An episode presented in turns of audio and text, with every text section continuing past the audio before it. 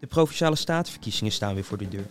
Op 15 maart mogen we ons stem uitbrengen op één van de 23 partijen die meedoen. In aanloop naar de verkiezingen praat de orkaan met Zaanse kandidaten. Vandaag praten we met Jaap Hollenbeek, kandidaat voor Partij voor de Dieren.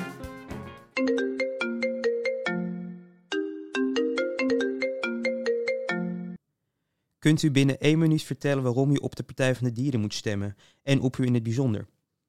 De Partij voor de Dieren is de groene aanjager. En een stem op de Partij voor de Dieren is een hele strategische stem. Want de Partij voor de Dieren trekt andere partijen mee richting de groene en diervriendelijke en sociale kant. Ik kan er wel een voorbeeld van geven, maar volgens mij is dit. Uh, want bijvoorbeeld het debat verandert. Kijk maar eens dat de halvering van de vee-industrie geen taboe meer is. Uh, plantaardig eten is steeds minder norm. Uh, verzet tegen tatenstiel is versneld door de Partij voor de Dieren krimp van Schiphol is tegenwoordig niet meer onbespreekbaar. Het streven naar oneindige economische groei is steeds minder de norm. En dat doen wij samen met gedreven burgers. En daarom eh, is het altijd eh, heel goed om op ons te stemmen. Mhm. Wat kunt u betekenen voor Oceaners in het bijzonder?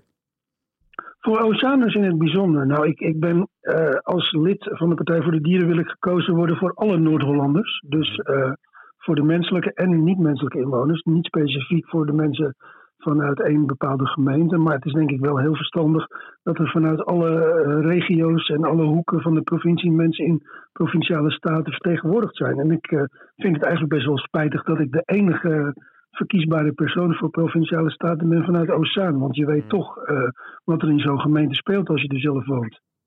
Hoe ziet u de toekomst van de A8 en A9-verbinding?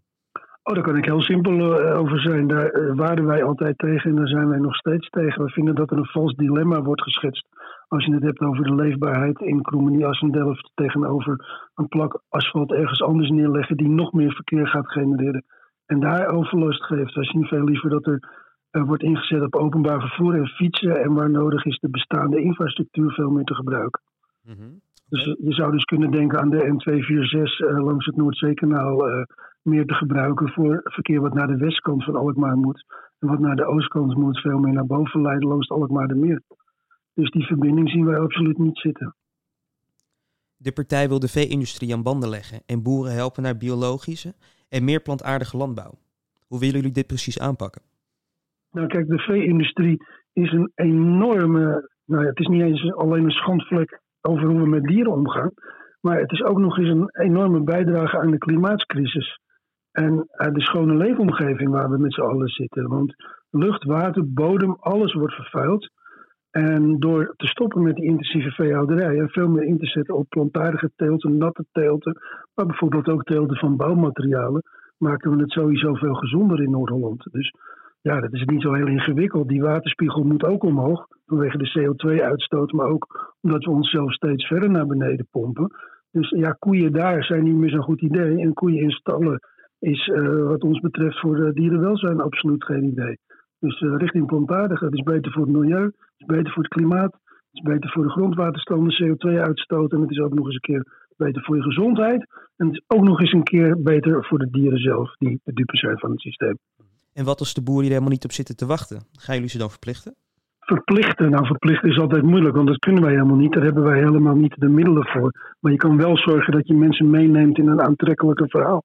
Bedoel, elke ondernemer moet meewegen met maatschappelijke ontwikkelingen. En dat geldt voor de agrarische sector net zo goed als uh, voor een ZZP'er in de bouw of iemand die in het onderwijs werkt. Dus ik vind uh, dat je niet moet verplichten, maar je moet mensen ook niet een sprookje voor ogen houden dat alles maar kan, zo kan blijven zoals het is.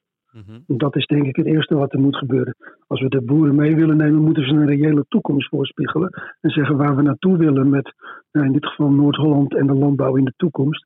En uh, niet uh, mensen wat voor ogen blijven draaien door te zeggen dat we maar door kunnen produceren op de manier waarop we dat nu doen.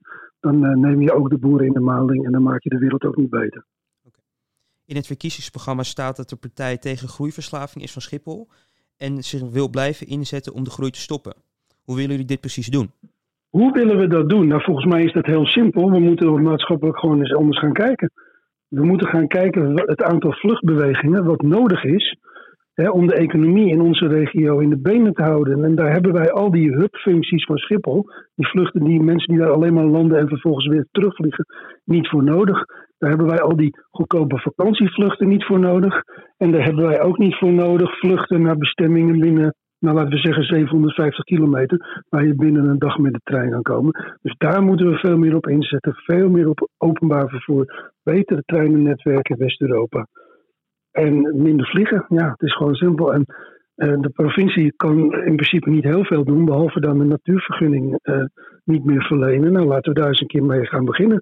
En als we teruggaan naar die 300.000 vluchten die je dan overhoudt, als je al die overbodige vluchten eraf houdt, dan hebben we ook nog eens een keer ruimte om te gaan bouwen voor huizen. Want nu zitten we met die geluidscontouren, we kunnen bijna nergens meer bouwen rondom Schiphol. Het is een win-win situatie, dus ik zou zeggen, huppakee, veel meer mensen uit het vliegtuig en vliegtuig alleen nog gebruiken voor de strikt noodzakelijke vlucht.